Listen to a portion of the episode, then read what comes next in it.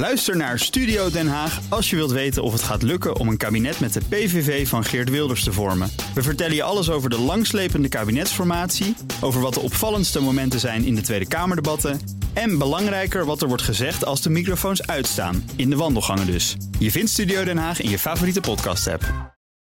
30. Tech Update. Wat gelukkig niet geldt voor Joe van Buurik, want die zit hier. Ik hoef niet naar de Ook een vorm van opsluiting, maar toch. Nou, hey Bas, hè, die man. Hi. Goedemorgen Joe, weer. Goedemorgen. Hi. Ford heeft een voormalige Apple-topman aan boord gehaald. Ja, ze willen het goed gaan doen, die Oh. automakers. Weet je wel, goed werkende infosystemen, eh, infotainmentsystemen... met fatsoenlijke interfaces en gewoon goede softwareondersteuning... in plaats van alleen maar leunen op Google en Apple. Vooral met CarPlay bijvoorbeeld, gewoon je telefoon aansluiten, allemaal leuk. Nou, die merken willen dat zelf doen en ook gieten in een breder plaatje... met allerlei digitale diensten. En wat doe je dan? Iemand van Apple aannemen. Eh, Of iemand die bij Apple zat, moet ik zeggen. Want daar komt Peter Stern vandaan. Die was nog tot begin dit jaar Vice President of Services bij Apple, waar hij zes jaar gezeten heeft. Overzag daar onder meer de lancering van Apple TV Plus, het videostreamingsplatform, Apple Arcade voor spelletjes. En Apple One, waar je eigenlijk al je digitale abonnementen met Apple natuurlijk beheert. En nu komt hij rechtstreeks te vallen onder de CEO van Ford zelf, Jim Farley.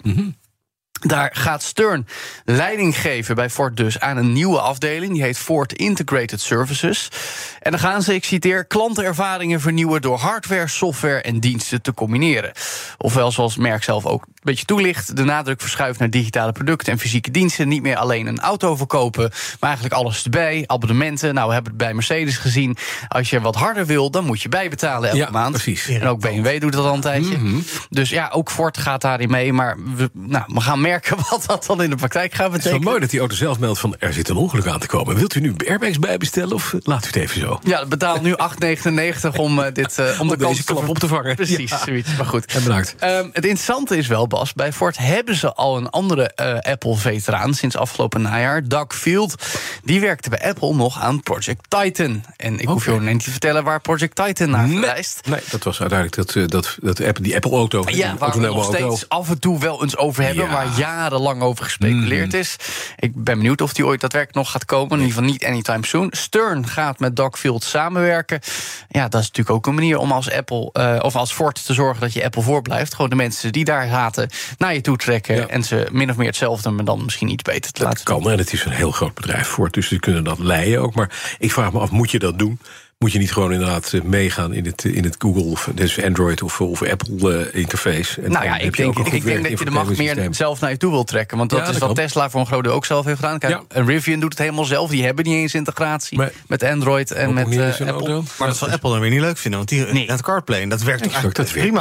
Het mij. werkt Ja. ook prima, alleen daardoor hebben de automakers geen macht over wat het Nee. met het kan. moet- Maar Apple gebeurt. gaat niet Ford inbouwen, toch? In zijn Eh, nee, waarom Nee. zouden ze? Maar Ford wil wel zelf alles maken Zelf op termijn. Ja. Dus. Of daar veel kopers voor gaan komen die denken, nou, ik neem een Ford omdat hij dat heeft. Vraag me af. Nou ja, dat is hun stip aan de horizon. Ja, Dus we, gaan zien of het ze lukt op een moment. Naar PayPal, want ook daar zien we een bijzondere nieuwe aanstelling. Ja, de niet de minste positie, namelijk die van CEO. Oh. We wisten al even dat eh, Dan Schulman het in die rol voor gezien gaat houden. Hij is 65.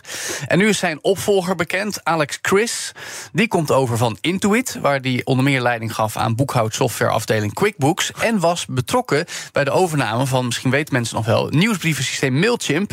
Ging voor 12 miljard dollar van de hand eh, naar Intuit. Ehm, Vanaf eind september is die meneer Alex Chris dan de hoogste baas bij PayPal. Eh, meneer Schulman blijft nog wel in de raad van bestuur zitten tot volgend jaar. Maar het wordt wel een flinke taak voor meneer Chris. Want eh, PayPal is bij uitstek zo'n fintech-bedrijf... waar zeker in coronatijd heel erg veel van verwacht werd. Ja. Er gingen allemaal digitaal winkelen immers, eh, webwinkels bestellen. Nou, even snel afrekenen, dat doe je toch makkelijk bij PayPal. Ook hier hoef je, hoeft niet eens je creditcard te koppelen. Je hoeft überhaupt geen creditcard te hebben om PayPal te gebruiken. Alleen maar te koppelen aan je bankrekening. Maar ja, kijken we dan naar de waarde. In juli 2021 was de valuering nog 360 miljard dollar. Nu 70 miljard dollar. Ja, dus het gaat doet niet meer zo au. heel goed met PayPal. En in de afgelopen 12 maanden alleen al is het aandeel 38% gezakt. Met de bekendmaking van die nieuwe CEO Chris is daar wel net even 2% bijgekomen. Maar de afgelopen tijd zijn er wel meer mensen in de top vervangen of opgestapt. Dus eh, er moet nog even wat eh, bijgestuurd worden bij PayPal. En dan nog even dit, want we zijn je binnenkort helemaal kwijt, denk ik. Netflix laat je nu ook officieel games spelen op andere apparaten dan je telefoon. Ja, nou dat laatste kon leven, maar dat doe ik niet heel vaak op mijn telefoon. Nee, gelukkig. Veel mensen weten niet dat het kan, maar geloof me, er zitten eigenlijk best goede spelletjes bij. Als jij een Netflix-abonnement hebt, kun je van alles eh, op je iPhone of Android eh, downloaden, wat gewoon echt best wel leuk is. En nu gaan ze dat ook doen met televisies en computers, schrijft de topman van hun game-divisie in een aparte blogpost. Als je dan op de tv games wil streamen, want het gaat via de cloud, net als Microsoft en Nvidia, dan gebruik je een aparte app op je smartphone als controller om te besturen. Op de PC en Mac kun je met toetsenbord en muis spelen. Het is voorlopig alleen nog een beta en alleen beschikbaar in het VK en Canada. Dus nee, Bas, voorlopig geen schaal van hebben. Als het eenmaal wel, ja, ik zie je sip kijken, Ja, maar ik, ik weet niet of het gemeend is. Maar goed, als het een, eenmaal in Europa is. gamen. Ja? Ja. Het is wel heel makkelijk. ja. Dus hoef je niet een aparte spelcomputer te Nee, maar dat is wel het verhaal. Ja. Dat is dat, voor mij Nee, is dat, eh, is, houdt dat het tegen dat ik zo'n Xbox moet gaan bestellen. Dus als je dat 3,5 tientje per maand, wat je toch al betaalt... omdat je dochters ik. ook Netflix willen kijken... Ja. dan wil je best een game En spelen. weten we of mensen dat ook een beetje doen? Gebeurt dat? Gamen Nou, via Netflix? Kan- De, last time I checked niet. Afgelopen najaar had ik nog een interview met de mensen van de game divisie van Netflix. En die zeiden ja, eh, we moeten dat verder promoten. Volgens onofficiële cijfers ging het dan op 1 tot 2 procent van alle Netflix-abonnees. Nou ja, dan, dan gaat het dus om eh, nou, nog geen 10 miljoen mensen, zou ik maar zeggen. En dan zijn er heel veel die het alleen eens geprobeerd hebben. Maar goed, ze willen het wel graag bij Netflix. eh, De, de strijd aangaan met Microsoft, Sony en Nintendo. De vraag is alleen of ze het op deze manier gaan redden. Maar in ieder geval moet het wat prominenter eh, worden aangeboden door te zeggen: hey, je kan ook gamen op je tv met Netflix. En dan hoef je dus niet zo'n kastje van 400 euro te kopen. en dan zit je nog langer op Netflix. En dat vindt Netflix heel veel. Natuurlijk wil Netflix dat. En dan ga je weer series kijken van de games Oh ja. die je gespeeld hebt. En Ja, die spelen games horen ook bij de series allemaal. Natuurlijk. Ja, ja, Het ja. is wel allemaal eh, IP-management. Ik ben jullie kwijt. Dankjewel, Jo van Buurik. De BNR Tech Update wordt mede mogelijk gemaakt door Lenklen. Lenklen. Betrokken expertise, gedreven resultaten. Ook Thomas van Zeil vind je in de BNR-app. Je kunt live naar mij luisteren in Zaken doen. De BNR-app met breaking news. Het laatste zakelijke nieuws. En je vindt er alle BNR-podcasts. Bijvoorbeeld Het Nieuwe Geld. Download nu de gratis BNR-app en blijf scherp.